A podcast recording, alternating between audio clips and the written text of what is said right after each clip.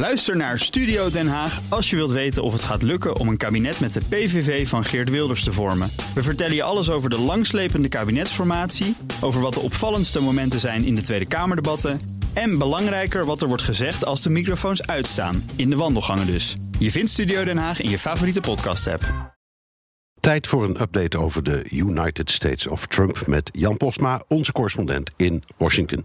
Jan, de uitvaart van uh, George Bush senior was natuurlijk het belangrijkste moment van deze week in Washington. En daarbij speelde ook Trump een rol.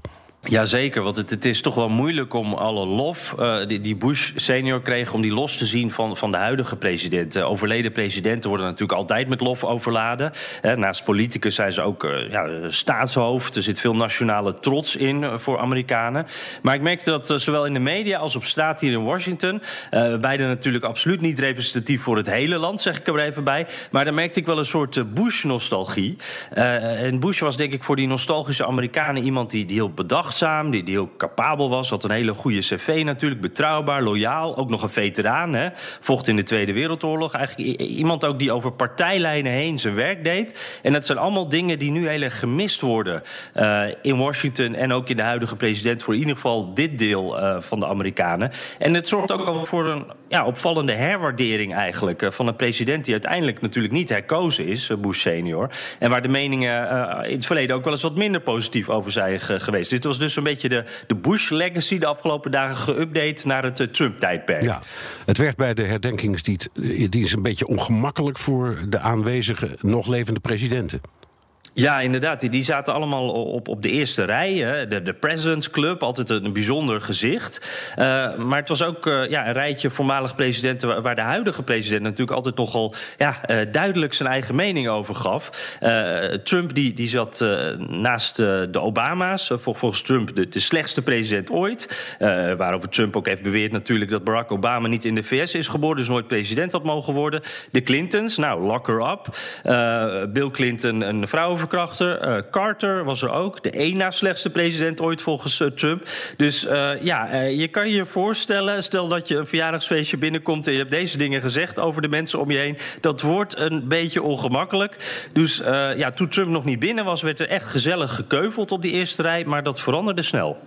Was struck when President Trump and Melania Trump came to the front row that it was as if a chill had descended on that front row. You had seen a lot of kind of chatty talk between the, the Clintons and the Obamas, the, the, the Carters.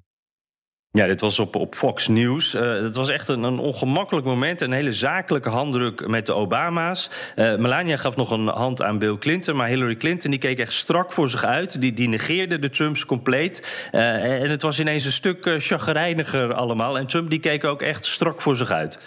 Nou, even iets heel anders. Lobbyisten uit Saoedi-Arabië betaalden voor 500 hotelkamers in het Trump Hotel in Washington. Ja, eh, daar kwam de Washington eh, Post achter. Dat is echt een apart verhaal. Saudi-Arabië uh, zet Amerikaanse veteranen in om, om te, ja, te protesteren eigenlijk... of te lobbyen tegen een wet waar Saudi-Arabië ook niet, blij mee was. En daarom boden ze die veteranen, Amerikaanse veteranen... dus een gratis stripje naar Washington aan.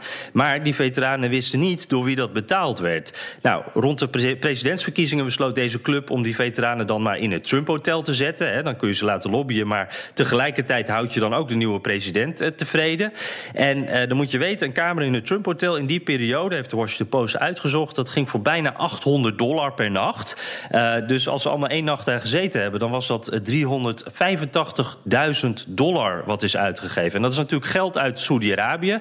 En een president mag geen geld van buitenlandse mogendheden aannemen. En ja, dat is die Foreign Emoluments Clause. en er lopen nu verschillende onderzoeken naar Trump-bedrijven. En ja, dat wordt alleen nog maar meer natuurlijk als in het nieuwe jaar ook de Democraten het Huis van Afgevaardigden in handen hebben. Dus hier gaan we nog meer van horen. Dankjewel, correspondent Jan Posma vanuit Washington.